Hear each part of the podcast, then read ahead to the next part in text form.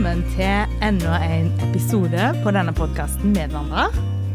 Vi befinner oss nå midt i en liten sånn miniserie om Josef-studiet. Så dette er liksom episode nummer tre i den serien.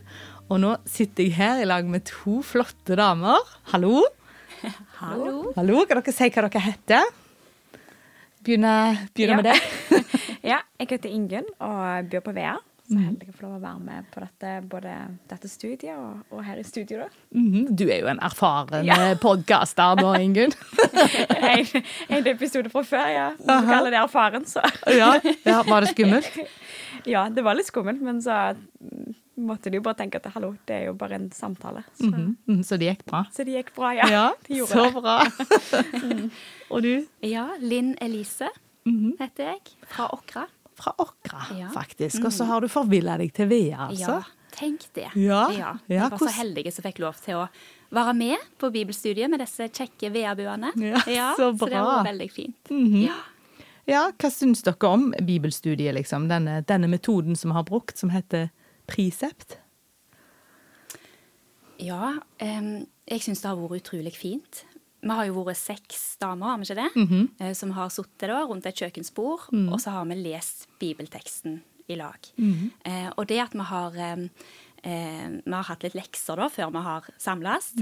eh, det har gjort at Jeg vet ikke, det, det, det har liksom hjulpet å senke tempoet litt. Ja, når en eh, når en leser på den måten, med at en leser i lag, en streker under ulike nøkkelord og eh, ting en legger merke til i teksten, gjør at, eh, at eh, ja, det hjelper oss å senke tempoet, at vi får eh, At vi legger merke til gjerne ting som vi ellers ikke har lagt merke til.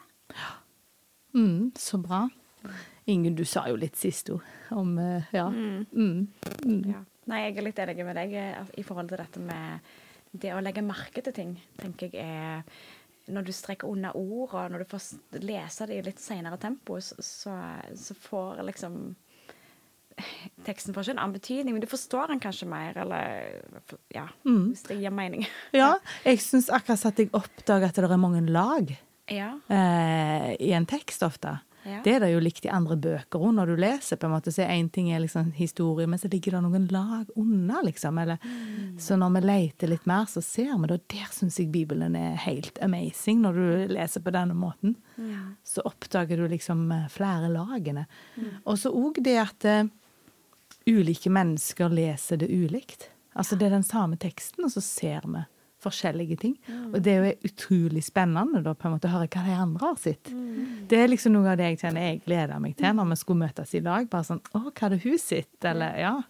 Eh, og så, for vi er så forskjellige. Eh, og da er det så spennende, liksom. For det er ofte ulike ting vi har bedt oss merke i, da. Helt sant. Ja. Så bra. Vi holder altså på da å studere om han Josef. Eh, og vi er i første Mosebok. Og jeg har sagt på de andre episodene eh, i denne miniserien at vi oppfordrer folk til å lese eh, de kapitlene sjøl. Så i dag, så de første episodene, så har vi hatt fra kapittel 37 til 41. Og i dag skal vi gå gjennom 42 til 47, så det er ganske mye. Så vi må snakke fort i dag, damer. Skal, skal vi rekke å komme gjennom alt dette. Eh, nei da. Men eh, ja. Men eh, ja. Vi oppfordrer dere til å lese kapitlene sjøl, og les seint. Sånn som vi sier. Skru ned tempoet. Mm. for det er litt kjekt for deg òg å få med deg litt mer, da. Men i alle fall det som vi har hatt og oppsummert, tenkte jeg kunne kort si litt om hva som har skjedd i de andre episodene, skulle jeg si. Og det som er litt kjekt på den Prisep-metoden, det er at vi lager et kapitteltema. Eh, for hvert kapittel så prøver du å oppsummere kapittelets hovedinnhold i én setning. Og det er en litt nyttig øvelse eh, generelt når vi leser i Bibelen. Hva sto der i dette kapittelet? Si det med én setning. Eh, og det er en øvelse som eh, iallfall jeg etter hvert er blitt glad i. Så i kapittel 37 så den ene setningen av det som skjer der, er at Josef blir solgt av brødrene som slave til Egypt. Det var det som skjedde i kapittel 37, oppsummert. Og så var det kapittel 38. Det var om han Juda som flytta vekk. Eh, og da har jeg skrevet 'Juda får tvillinger' med sin svigerdatter Tamar. Eh, og det sier jo liksom Hæ, litt crazy nå, men Jeg snakket jo om det i episode nummer én om, denne, om dette bibelstudiet. Og så i kapittel 39 så har jeg skrevet 'Herren er med Josef hos Potifar og i fengsel'. Eh, da var det en setning som gikk igjen, at Herren var med Josef uansett hvor han var hen. Og i kapittel 40, da er Josef eh, tjener i fengselet og tyder medfangers drømmer. Det var det som skjedde da, i kapittel 40. Og i 41, eh, da har jeg skrevet at Josef tyder faraos drøm og redder Egypt fra hungersnød. Det var det som jeg og Ingunn snakket om sist. Så det er på en måte oppsummert det som har skjedd, og det er der vi er i historien nå. Og nå begynner det å dra seg ordentlig til som et drama her. Så nå begynner vi med kapittel 42. Kanskje noen andre snakker litt nå, da? jo, det kan jeg. Ja, Så bra. Ja, fordi at Kapittel 42 handler jo om at Josefs brødre drar til Egypt. Mm. Og kapittelet starter med at Jakob han ser på sønnene sine, og så spør han, eller sier bare 'Hvorfor ser dere bare på hverandre?' Jeg har hørt at det er korn i Egypt. Dra ned dit og kjøp for oss derfra, så vi kan leve og ikke dø. Eh, så da reiser ti av brødrene til Josef ned for å kjøpe korn. Benjamin han får ikke være med. Eh, han må ikke rammes av noen ulykke, sier Jakob. Um, og det som skjer da, når de kommer ned til Egypt, uh, så er det Josef de møter på. Det var han som solgte til alt folket i landet. Og da Josefs brødre kom, så bøyde de seg ned for ham med ansiktet mot jorden.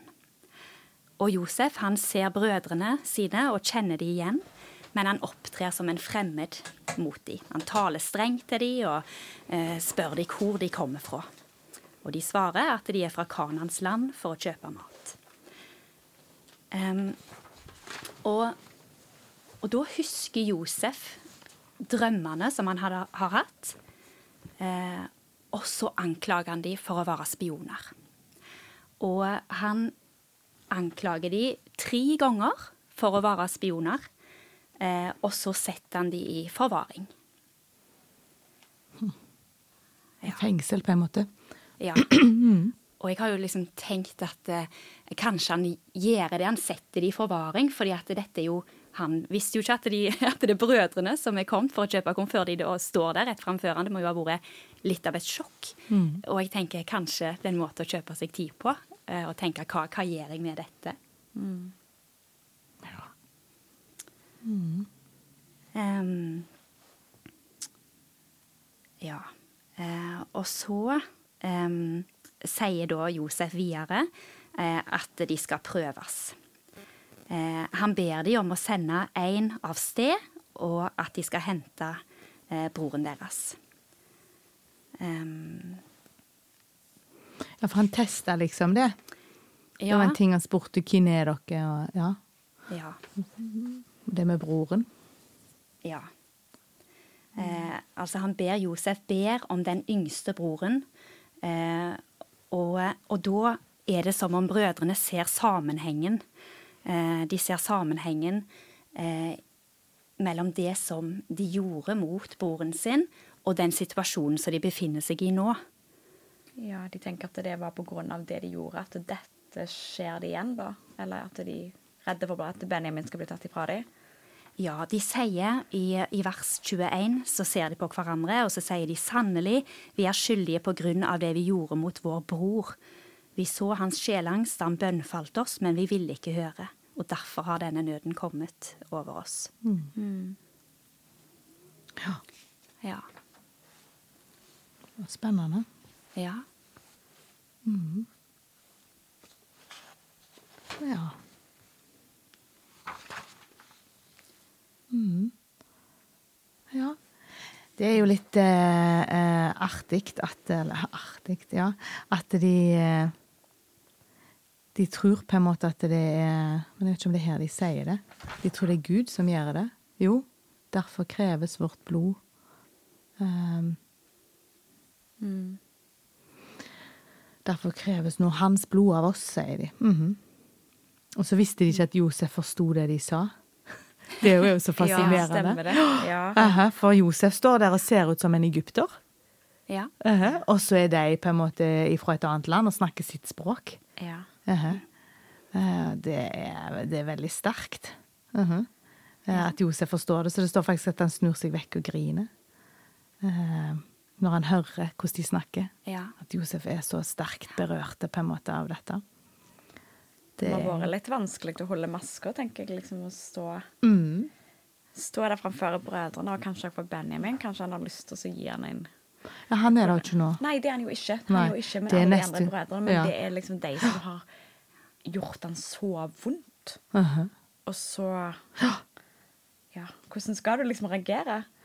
Liksom som du sier, det var sikkert mye som sveiv gjennom hodet hans. og Kanskje han ville kjøpe seg litt tid da, med, å, ja, med dette han gjorde.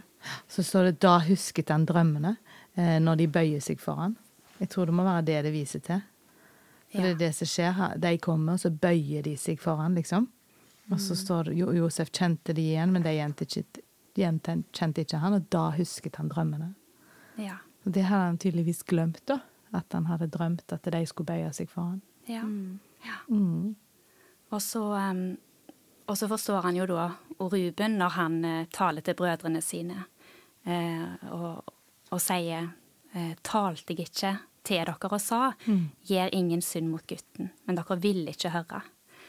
Eh, og så velger da Josef at Simeon skal bli igjen, mens de andre drar av sted for å hente yngste mann. Ja. Eh, og det står at eh, han tok Simeon, og så bandt han ham foran øynene på dem. Mm. Det er litt sånn eh, Straffe de litt? Mm -hmm. Skremme Ja. litt, eller? mhm. Ja. Eh, men så får de korn. De, eh, eh, deres fylles med korn, eh, og sånn at de har forsyninger til reisen. Eh, og så drar de derifra. Eh, men så da oppdager de jo at pengene som de har betalt med for kornet, ligger øverst i, i sekken. Eh, og da eh, blir de redde. Det står at de blir grepet av angst i hjertet. Og de eh, sier til hverandre med skjelvende stemme hva er det Gud har gjort mot oss? Og så reiser de til pappen sin i Kanans land, og så forteller de alt det som har skjedd. De forteller at eh, mannen som de møtte da i Egypt, har, eh, eh, har tatt de for å være spioner. Eh, og de forteller at de må eh, De kom tilbake for å ta med seg Benjamin, da. Mm. Og det er jo ganske sånn eh, spesielt at det nå forteller de til far. For eh, sist gang, eller da når, når de hadde solgt Jos, Josef Josef. eh, solgt Josef, så, så fortalte de jo ikke alt som hadde skjedd. Da var de litt uærlige. Mens nå forteller de alt til far, da. Ja. Mm. Det gjør de. Ja. Så er det jo Jeg syns jo det er veldig fascinerende å legge merke til at de, de tenker at det er Gud som straffer dem når de får pengene igjen. Mm. Det er litt sånn vanskelig å vite hva var Josef sitt motiv for å legge de pengene igjen, for det, det står jo ikke noe i teksten, da, men, men det kan jo være at han liksom Han hadde ikke lyst til å ta pengene deres, han ville hjelpe sin egen familie. Altså, klart de skulle få korn, og han ville ikke at de skulle svelte i hjel, på en måte, så han var snill med dem og ga dem pengene igjen. Ja. Det er sånn jeg tolker det. Eh, og så når de på en måte oppdager det, så reagerer de ikke med liksom Å, så heldige vi var! Flaks. ja, vi fikk pengene. De, de tror liksom at å nei! Sant? Er- Og så hva er det Gud har gjort mot oss? Og så tror de at det er noe fælt Ja. som Gud gjør mot dem, når det egentlig er en velsignelse. Ja. Det er litt kult. Eller kult, det er ikke kult, men det er litt typisk oss mennesker, tror jeg. Ja. Det er litt sånn vi resonnerer. Mm. Ja. Ja, og så står det jo videre da at eh, når de da forteller dette som har skjedd, og at de må ta med seg Benjamin tilbake igjen til Egypt, eh, da reagerer jo Jakob, faren deres, da, med ja, eh, ganske sterkt. Han sier at eh, dere har gjort meg barnløs. Josef er borte, Simon er borte, og nå vil dere ta Benjamin ifra meg òg. og så er det Ruben, da, som tilbyr seg å føre Benjamin tilbake igjen til faren.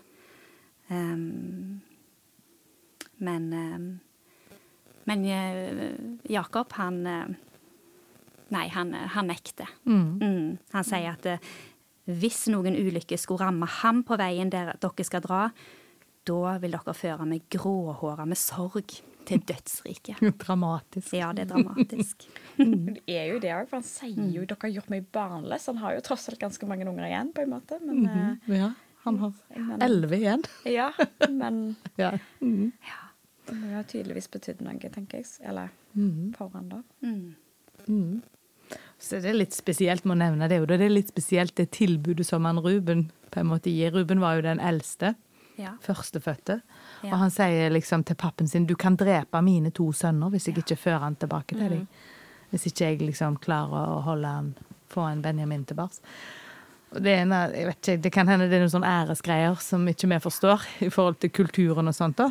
Ja, for det har jeg òg tenkt på. At det høres jo for oss I dag så høres det jo helt Ja, det høres jo eh, helt eh, sprøtt ut. Grotesk. Grotesk, ja. Men jeg tenker gjerne i den kulturen òg, det der med å, å, å føre slektslinjer videre, det var jo ekstremt viktig. For det er jo at en ser gjerne nærmest på ungene sine som sitt Altså det er sitt eget kjøtt og Ja, blod. ja det er mye mer sånn kollektiv tankegang og Ja, ikke sånn Ja. eh, som er Ja.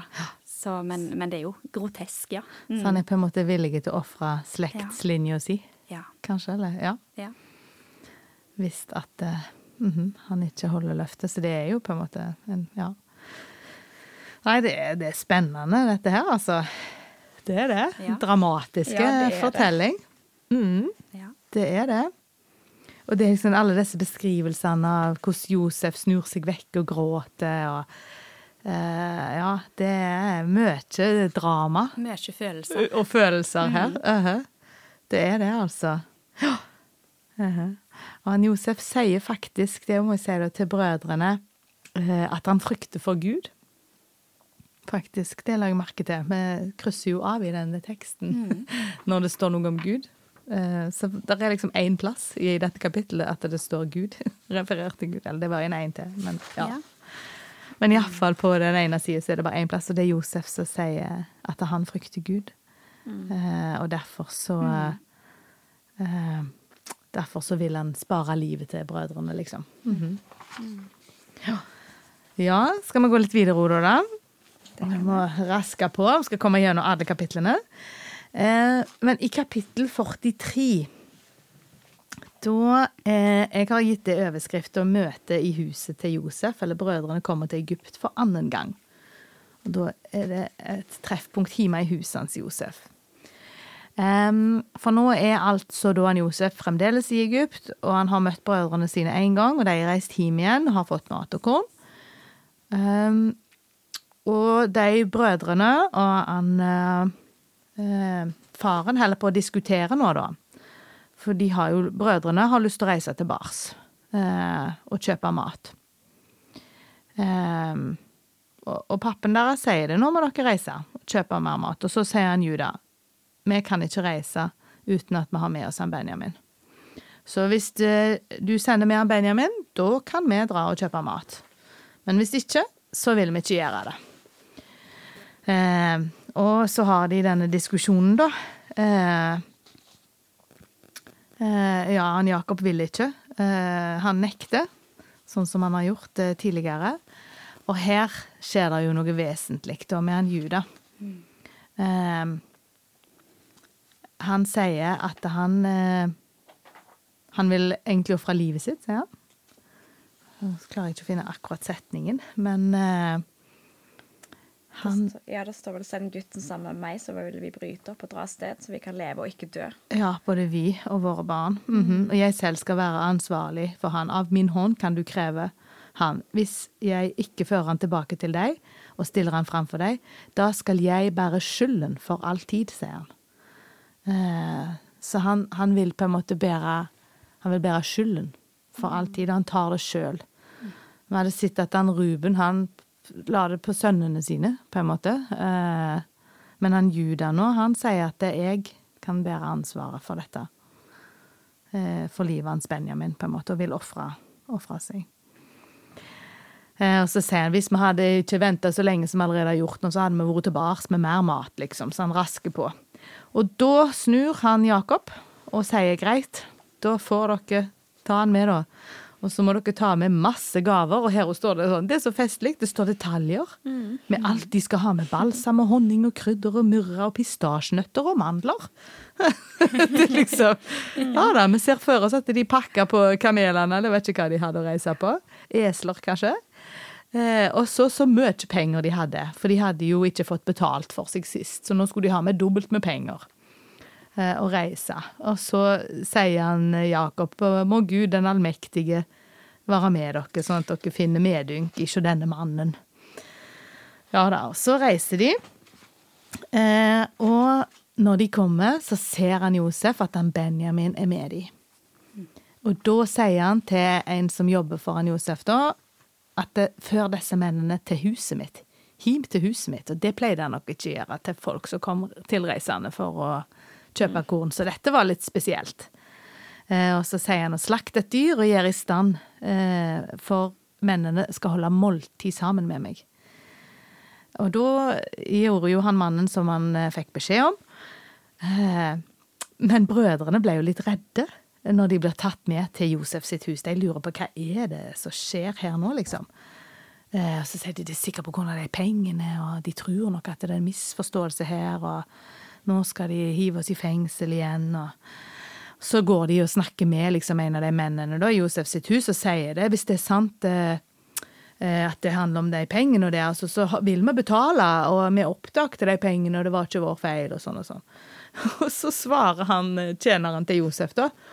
Fred være med dere, og frykt ikke, det er deres Gud og deres fars Gud som har gitt dere en skjult skatt i sekkene. Jeg har fått pengene deres. så det er liksom OK. De forstår ingenting sikkert hva som skjer. Og så får han Simeon komme ut igjen og er i lag med de. Eh, og de er nå i Josef sitt hus og får vaska føttene sine og får mat til eslene. Her står det, det er ikke kameler de reiser på, det er esler. Mm. Og så eh, kommer han eh, Josef inn i huset. Og enda en gang så bøyer de seg for han, altså. Eh, og dette er jo en så spesiell setting. Så, så spør Josef ja, hvordan går det med faren deres. Lever han ennå? Eh, han er fortsatt i live, sier de. Og så bøyer de seg for han igjen, faktisk. Og så møter han blikket til Benjamin og spør om dette er den broren. Eh, og så står det jo at han blir dypt grepet av medlidenhet med sin bror, eh, og skyndte seg å finne et sted der han kan gråte. Så går han inn i det rommet og gråter der. For det, Josef blir så overvelda av følelser når han ser broren sin. Så vasket han ansiktet og kom ut, og behersket seg og sa sett fra maten. Det er så levende, dette. Eh, så spennende, syns jeg. Um, og så holder de måltida, og så var det da en sånn regel at egyptere kunne ikke holde måltid sammen med hebreere, sånn som disse var da. For det var liksom avskyelig for egypterne. Men sånn som jeg forstår denne teksten, da, så sitter liksom Josef sine tjenere for seg sjøl på et bord, og så sitter han Josef i lag med disse mennene til bords. Eh, de sitter på andre sida, eh, og, og eh, og han har faktisk sett de etter rekkefølgen eh, på alderen. Var ikke det her det sto? Jeg vet ikke om det var det. Jo, de satt rett overfor han, den første første etter sin fødselsrett, og den yngste etter sin ungdom. Og mennene så forundret på hverandre, så de forstår ingenting.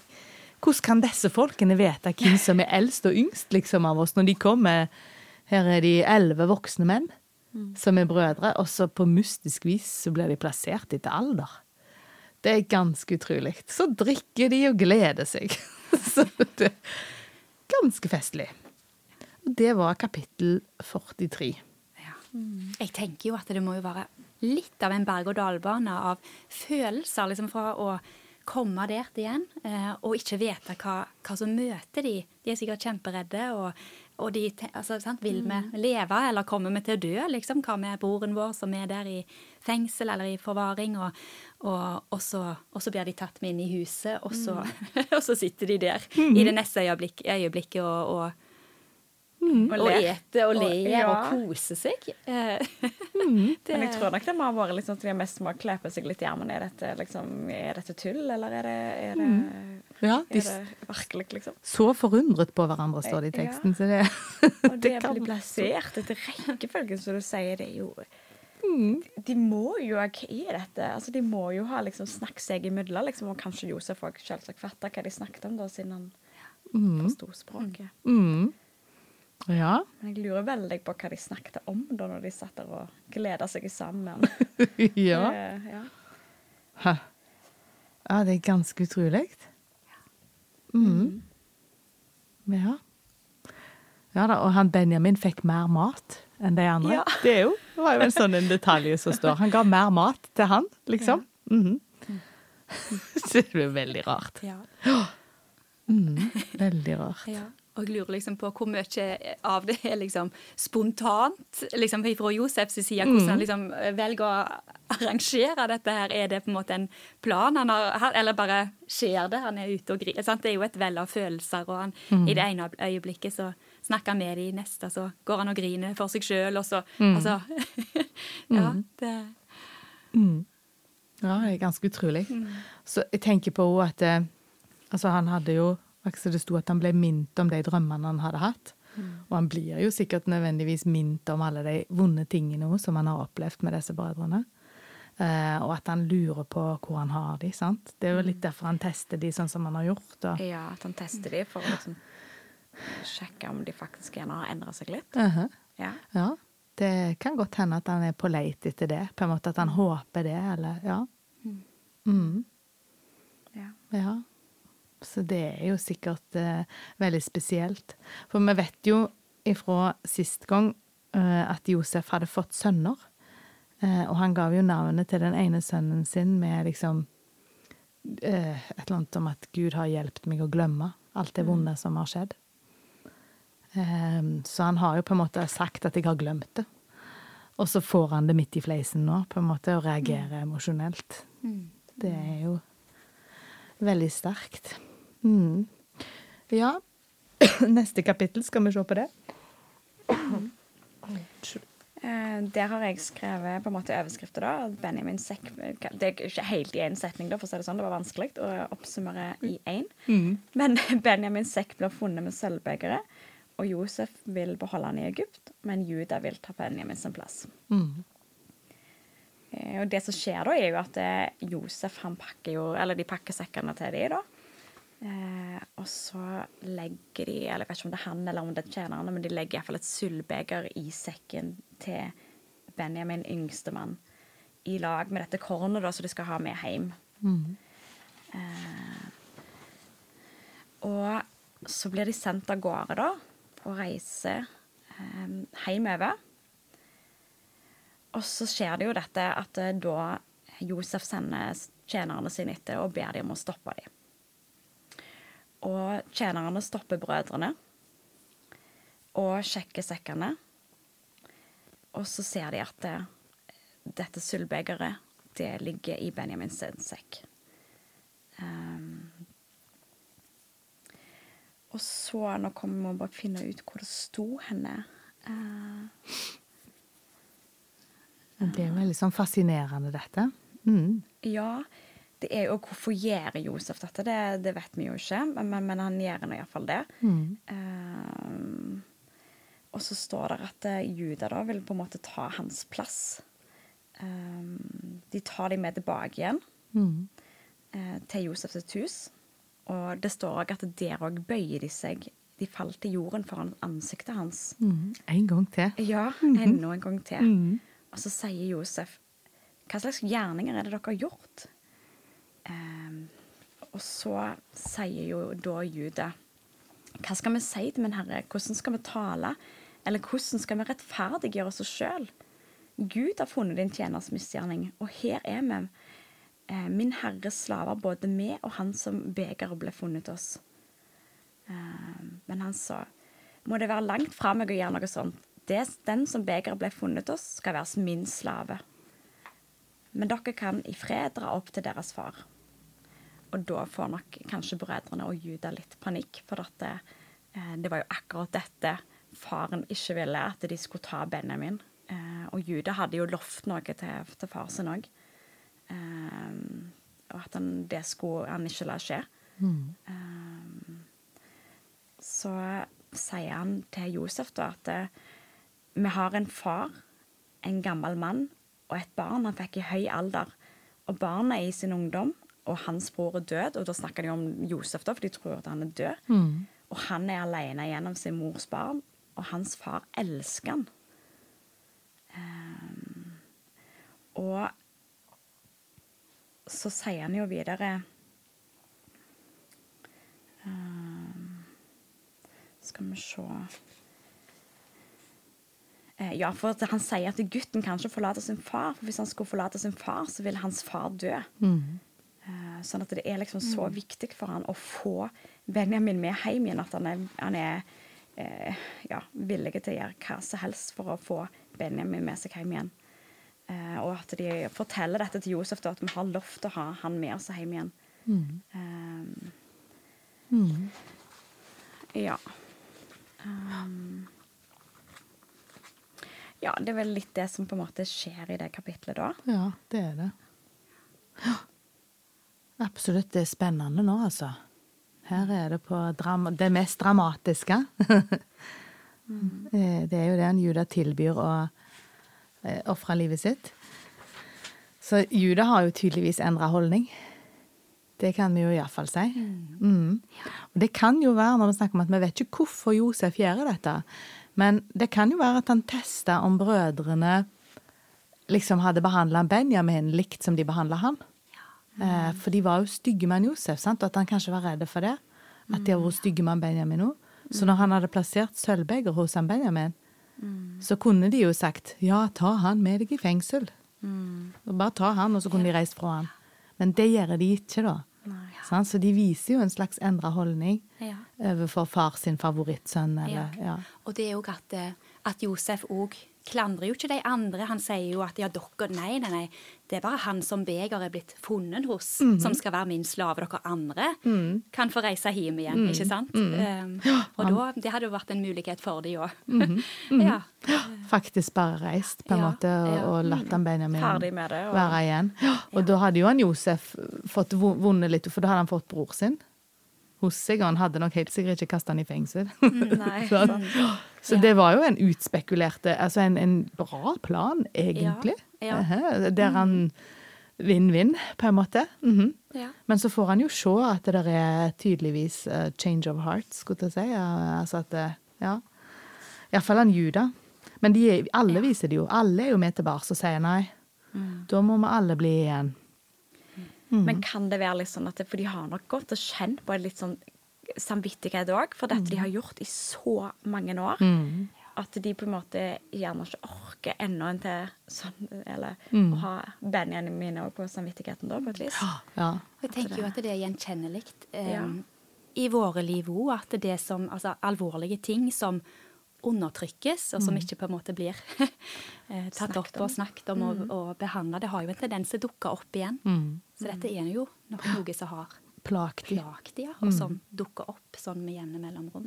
Mm. Um, så, og jeg tenker jo at, eh, ja, at, at gjerne dette er, er, jo et slags vendepunkt, altså når, når Juda da eh, mm. eh, ofrer seg, eller eh, sier at han vil bære skylden for overfor min far for alltid. Mm. Eh, så tror jeg jo det er et slags vendepunkt at dere på en måte klarer ikke Det står jo da videre i kapittel 45 ja. at dere klarer ikke Josef å beherske seg lenger. Mm. Eh, han, han, roper ut 'Alle sammen må gå ut fra meg'.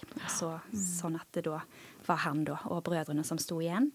Og han griner høyt. Eh, og han eh, gir seg til kjenne.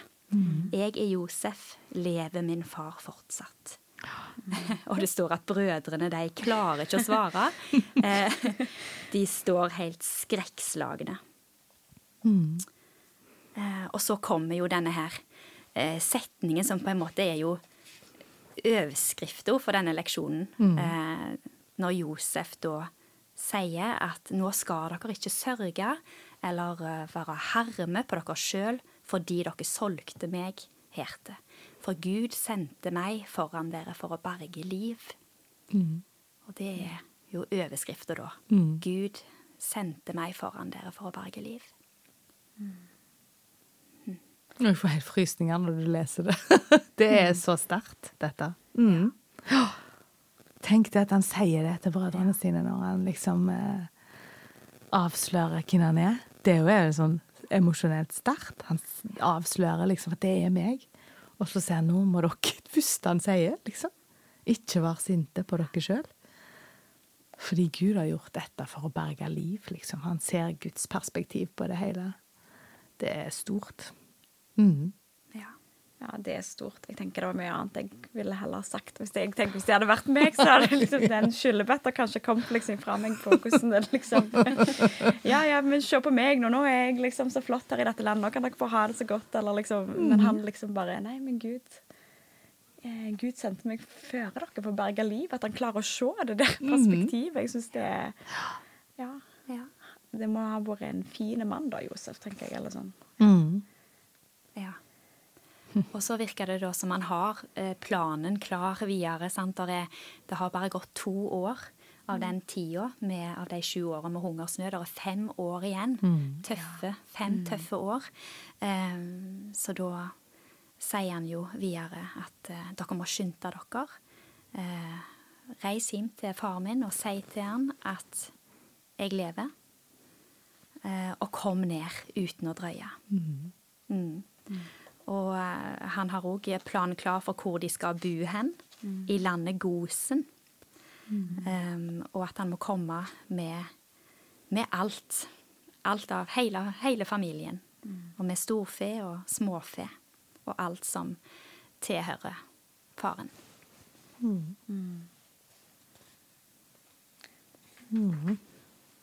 Uh, og så står det da at Josef og brødrene gråter sammen. Mm. Eh, han eh, falt eh, om halsen på Benjamin og gråt, står det, og Benjamin gråt. Og han kysser alle brødrene sine og gråt med de, står det. Og de snakker i lag. De har nok mange spørsmål da, sant? så jeg føler meg at det er liksom ja, hva, ja. Ja. De må jo ja, være helt skrekkslagne, sånn som det faktisk står. Ordet skrekkslagne. Mm. Ok, ja. Fascinerende. Ja. Og jeg tenker jo dette er jo et så tydelig eksempel på at Gud vil forsoning. Mm. Tenker liksom på denne her familien, da. Så dysfunksjonelle på, på mange måter. Mm. eh, og så ja, dette øyeblikket her. Eh, Ja, det er forløsende. Ja. Oppgjør. Mm. ja. Ja. Så kom vel dette ryktet fra farao, at eh, Josef hadde fått familien sin ja. til Egypt. Mhm. Og, jo, og farao han befaler de jo da om å, om å hente Josefs far og, og husfolk til Egypt. Em, og så, og så står, står det at, at de får et sett med høgtidsklær. Og så Benjamin, da. Han, eh, han får fem sett med høytidsklær og 300 sølvstykker. sølvstykker. Forskjell på folk. Ja. Så, og så da står det videre at, eh, at brødrene drar av sted for å hente med sin far Jakob eh, til Josef i Egypt. Eh, og når, eh, jeg tenker når de da kommer eh, hjem igjen og møter faren sin, eh, så forteller de han dette at tenk, Josef er fortsatt i live, og han hersker over hele landet Egypt. Og da står det videre at det var som om Jakob sitt hjerte skulle stivne til. Han kunne ikke tro de. Tenk det. Mm. Mm. Jeg legger merke til en ting som ikke står. Og det er at eh, de brødrene reiser ikke hjem til far nå og sier du, vi solgte egentlig Josef med. For uh, hvor mange år siden? Ja, det er ganske mange år siden. Og de sier ikke det. Uh, det unnlater de, eller ja, mm. så vidt vi vet iallfall. Mm. Du sier bare at han er i live, så hvordan, hva som skjedde vet, Ja. Vi vet jo ikke om de sier hele historien der, da. Nei, Eller om de bare gjør, sier vi gjør faktisk ikke det. Nei. Det står iallfall ikke i teksten. Nei. Nei, det er sant, det. Mm. Ja. Ja. Skal jeg ta oss litt videre til kapittel 36, nei, 30, 46, da? Da eh, skal jo han Jakob eh, pakke og reise, så her er egentlig overskriften at Gud går med Israel til Egypt. Jakob og Josef gjenforenes. Så her, eh, også, her står alle navnene. At Israel reiser, og han kommer til Ber, Beer Sheba. Altså, Gosen og alle disse landområdene som står. Det er, det er så konkret, liksom. Det er plasser det går an å finne igjen på kartet i dag. Og det syns jeg er utrolig fascinerende. Når det er en så gammel historie som det dette er. Um, men eh, Gud taler til Israel, som han kalles da, Jakob eller Israel, om natta. Eh, og, og sier at 'jeg skal gå med deg til Egypt'. Og det går faktisk an å slå opp referanser, jeg lurer på om det er første Mosebok 15, der Gud allerede sa dette til Abraham, tror jeg. Eh, at det, dere skal bo i et annet land en stund, men jeg skal være med dere der, og jeg skal føre dere ut av det landet òg. Så Gud har på en måte kontroll. Han har regien her. Eh, så ja, Jakob han eh, pakker sakene og reiser. Og så står det faktisk navngitt alle navnene på alle de som var med og reiste. Og det står antall, hvor mange sjeler de var. 70 sjeler, står det vel, som reiste. Hvem av konene som hadde født de, og sånt. Så her er det sånn mye oppramsing. Eh, men i slutten av kapittelet da, så står det at han Josef reiser til Gosen, området, for å møte sin far. Eh, og der falt han om halsen og gråter mot halsen hans en lang stund, står det. Å, det er så fint. Og da sier han Josef, nei, han Israel, eh, han Jakob, at nå kan jeg dø. Eh, for jeg har fått sett at du fremdeles er i live. Så han liksom får sjelefred, eller Ja. Mm. Så jeg syns det er noe veldig fint med, med det, da. Eh, og så syns jeg jo når vi liksom Når vi bruker navnet Israel på han Jakob, så, så klinger jo ofte det litt annerledes hos oss. sant? Israel, da tenker vi jo på landet Israel. Eh, og det som står her nå, da er liksom Israel drar til Egypt, på en måte. eh, ja. Og det er jo litt sånn fascinerende, tenker jeg. At ja, Israel eh, og Israels folk, eller jødene, sant, de har ei stund bodd i landet Egypt og fått beskyttelse der, på en måte. Eh, ja, det syns jeg er en sånn en fascinerende ting å, å legge merke til, da. Ja, det tror jeg ikke jeg har tenkt på. Mm. Ja. Jeg syns det blir av og til litt sånn når jeg ser teksten sånn, så står det hm, Ja, Ja. Israel drar til Egypt. Mhm. Ja. Ja, og det er jo fascinerende. Og så er det vel ett kapittel igjen. Ingunn, vil du Ja, har vi, vi har jo sikkert sett litt forskjellige overskrifter og sånn når vi, vi har holdt på med dette her, men, men eh, jeg har skrevet at Josef er en dyktig leder, forvalter. Er det på en måte det vi får se da i dette kapitlet? Ja. Eh, men det begynner jo med at eh, Altså hele, hele familien med alt. storfe og alt dette. Koner og unger kommer til Egypt da. Eh, og så står det at eh, farao sier til Josef at eh, La din far og dine brødre bo i den beste delen av landet, og la de bo i landet Gosen. Og så hvis du vet om noen dyktige menn iblant de, så sett de til oppsynsmenn over buskapen min. Kanskje farao tenker at eh, hvis det er noen av disse her som er like dyktige som Josef er, så vil han gjerne på en måte at de kan gjøre litt nytte for seg. Hanke deg inn i jobb. Ja, sant. Mm. Um, Kan jeg godt forstå. ja. Og så står det noe som jeg syns er litt fint. da. Så står det at det, så førte Josef sin far, altså Jakob, da inn. Og så stilte han foran farao. Og så står det at Jakob velsigna farao. Og det syns jeg var var fint. Vi vet jo ikke hva, hva på en måte farao tenker egentlig om Gud, på et vis. Eller hva Men noe må jo ha vært gjennom at han Ja, han lar jo Jakob velsigne han. Mm. Um, ja. Mm, jeg må kommentere en ting da Ja. her, for da tenker jeg på litt det som jeg sa i stad. Når Jakob kalles for Israel, så kan du på en måte si her Israel velsigner Egypt. Ja. Det er på en måte det som skjer her. Ja. Mm. Og jeg tror Ja, at uh, i, andre historier i Gamle testamentet eh, så står det veldig tydelig at det Gud lot velsignelse komme over de landene som gjorde vel mot Israel. Eh, og og eh, straffa de landene som ikke gjorde det. Og veldig mange av de landene som ikke gjorde vel mot Israel og israelsfolket, de eksisterer ikke i dag. Vi har ikke hørt om. Ammon og Moab og altså disse. Det er ikke land som finnes i dag. Men landet Egypt, Det fins. det ja. den dag i dag. Og det er litt sånn kult å tenke det. Ja. Kanskje det er av Guds nåde at landet Egypt består den dag i dag. Gud sa faktisk en gang før at de skulle bestå, men de skulle aldri bli så mektige som de hadde vært. Og det har de heller ikke blitt. Nei. De er rike, men ikke Ja. søkkrike, liksom. Nei. Mm. Stemmer.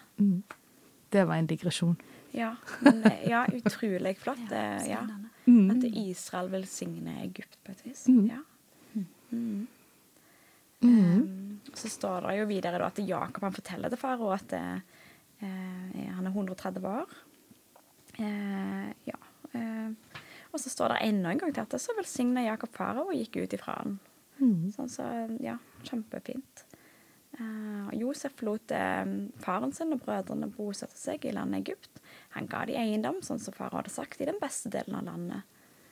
Eh, og Josef sørger for brødet til sin far og til brødrene sine og hele sin fars hus, etter tallet på alle deres barn.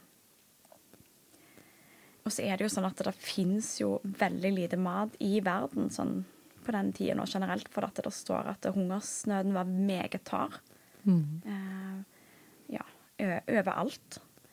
Og så står det at Josef eh, han samler alle pengene som finnes i landet Egypt og i Kanas land. Eh, og eh, Josef tok pengene til far og sitt hus. Og så står det at når det var slutt på pengene i landet i Egypt og i, i Kanas land, så kommer alle egypterne til Josef og så sier de Skaff oss brød. Hvorfor skal vi dø rett foran deg? For nå har pengene tatt slutt. Og så sier Josef på en måte, ja, kom, kom med budskapen deres, så skal jeg gi dere brød i bytte på budskapen hvis pengene har tatt slutt. Så gir de en byttehandel, da, og så får de på en måte brød, og de får leve, skulle jeg til å si. Um, og tar i bytte både, ja, både hester og storfe og forskjellige ting. Uh, I bytte mot brød. Mm. Og så står det jo at det, altså dette er jo mange år det pågår, og så står det at eh, eh, når året var omme, så, eh, så var det jo på budskapen òg. Og det er ikke noen ting igjen eh, annet enn oss sjøl og vår jord. Og hvorfor skulle vi dø foran øynene dine, både med og jord, på jorda vår? Og så tok han og kjøpte jord da, i bytte på brød. Um, og så um, Altså Josef hele veien på en måte finner på en måte en løsning på, på problemet og leverer ut brød. Eh, og så står det at det, så kjøpte Josef all jorden i Egypt og farao. For hver mann blant egypterne solgte altså jordeiendommene sine, eh, for hungersnøden den tunga de så hardt. Og sånn på en måte ble hele landet på en måte farao sitt. Og folk flytta mm, Ja. eh, det var bare prestene som gjorde han ikke kjøpte. Liksom. Ellers så var på en måte det farao sitt alt. Uh, og så var det ikke her Skal vi se, hva var det mm, mm.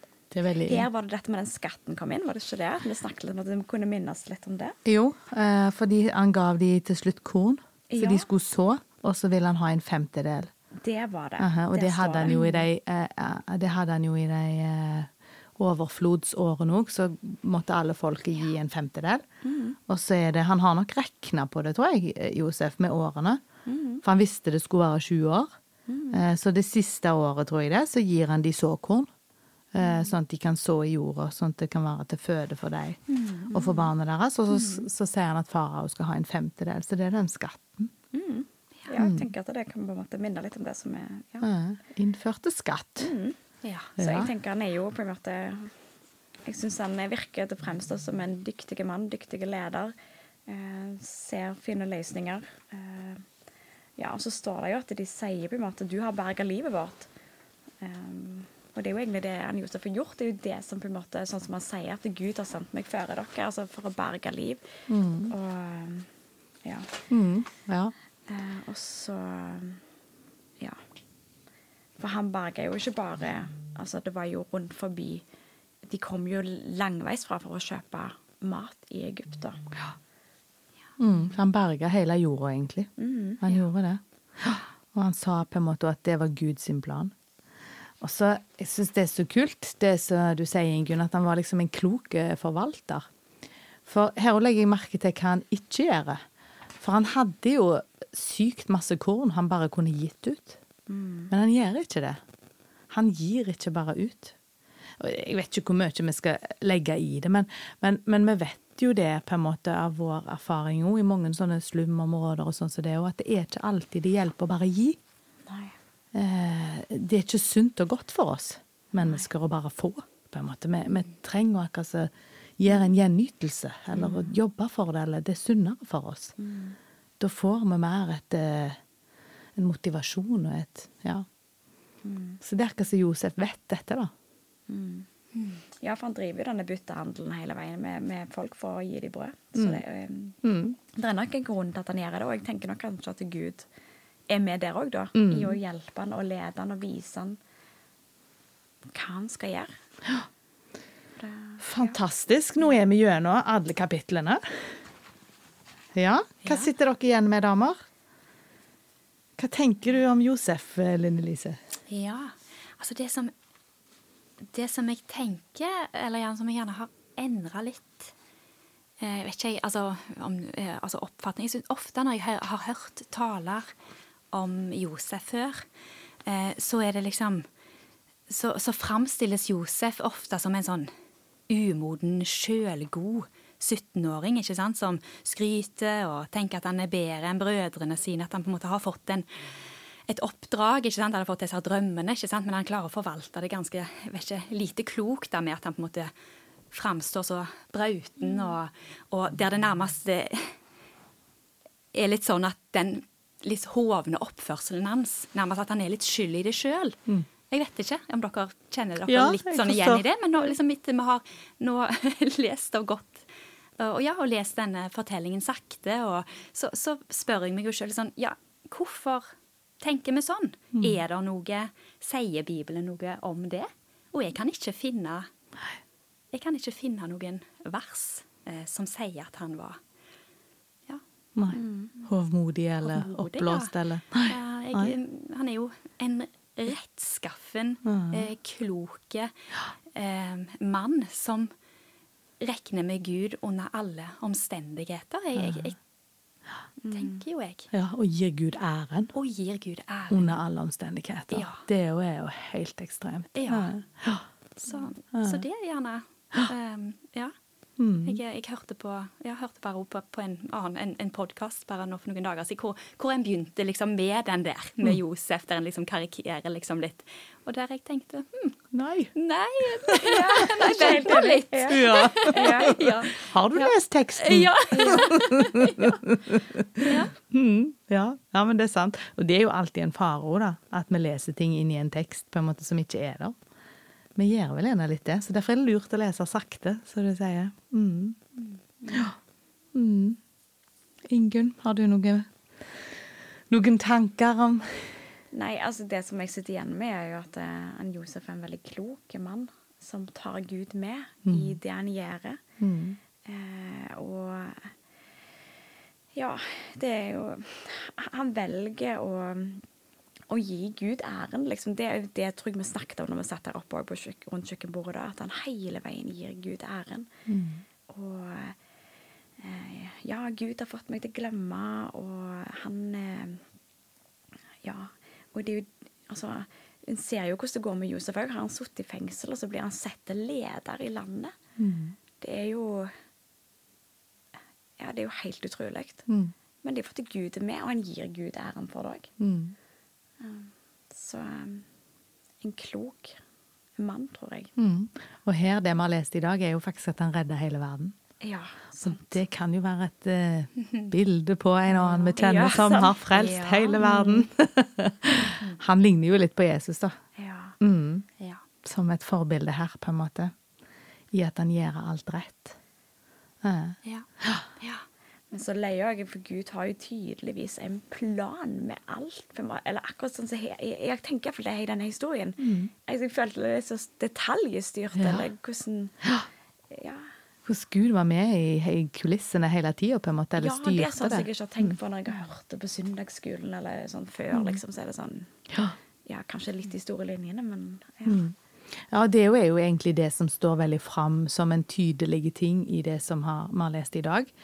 At eh, Gud Altså, det skjedde noe vondt mot Josef. Josef ble utsatt for lidelse, eh, og noen tenkte ondt mot han. Det var jo gjort i onde hensikter òg, men Gud tenkte det til noe godt. ja. Eh, og, at det liksom er Ja. Det, det er et flott perspektiv, altså, for, for oss og våre liv òg. At eh, ja, vi kan møte vonde ting, og, og det kan skje noe vondt. Eh, men Gud kan gjøre det om til noe godt. Ja. Det kan bli en frukt til noe bra, på en måte. Mhm. Så det, ja, det er jo en veldig sterke ting, syns jeg, som denne historien forteller. Det var jo overskrifta for i dag òg. Så jeg tror vi skal sette strek der for i dag. Rett og slett. Og si tusen takk, damer. Jeg tror vi skal avslutte med å be litt. Til den levende Gud, gode, gode Far i himmelen. Takker deg for at du er en levende Gud som har kontroll. Takk for at du eh, var med Josef og brukte det vonde som skjedde i hans liv, til noe godt. Takk for at du brukte han til å redde hele verden. Og takk for at du sendte Jesus til å redde hele verden. Og Herre, jeg bare ber om at eh, vi må få, se enda mer av hvem du er. At du er en levende, allmektige Gud som har kontroll. Selv om vi syns det ser ut som det er kaos, så tror vi at du har kontroll, Gud. Og vi takker deg for det. Og jeg har lyst til å be for hver enkelt av de som hører på denne podkasten nå. Takk for at du ser dem, og at du kjenner dem, og at du vet hva vi trenger, hver og en. I hver eneste situasjon som vi står i.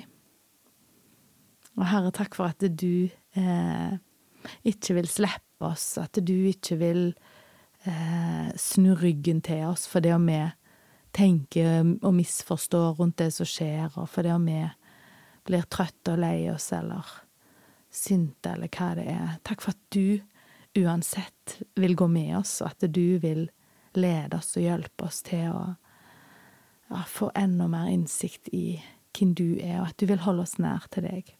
Herre, jeg ber om at du gjør det for oss som sitter her nå. Vi ber om din velsignelse, Herre, over livene våre, og jeg ber om din velsignelse over lytterne, Herre. I Jesu navn. Amen. Da gjenstår det bare å si tusen takk for i dag. Takk til deg som lytta, og takk til Linn Elise og Ingunn. At dere så villig stiller opp og deler av tida deres og tankene deres. Veldig, veldig kjekt. Takk for at vi fikk være med. Ja. Så kan vi si ha det bra. Ha det.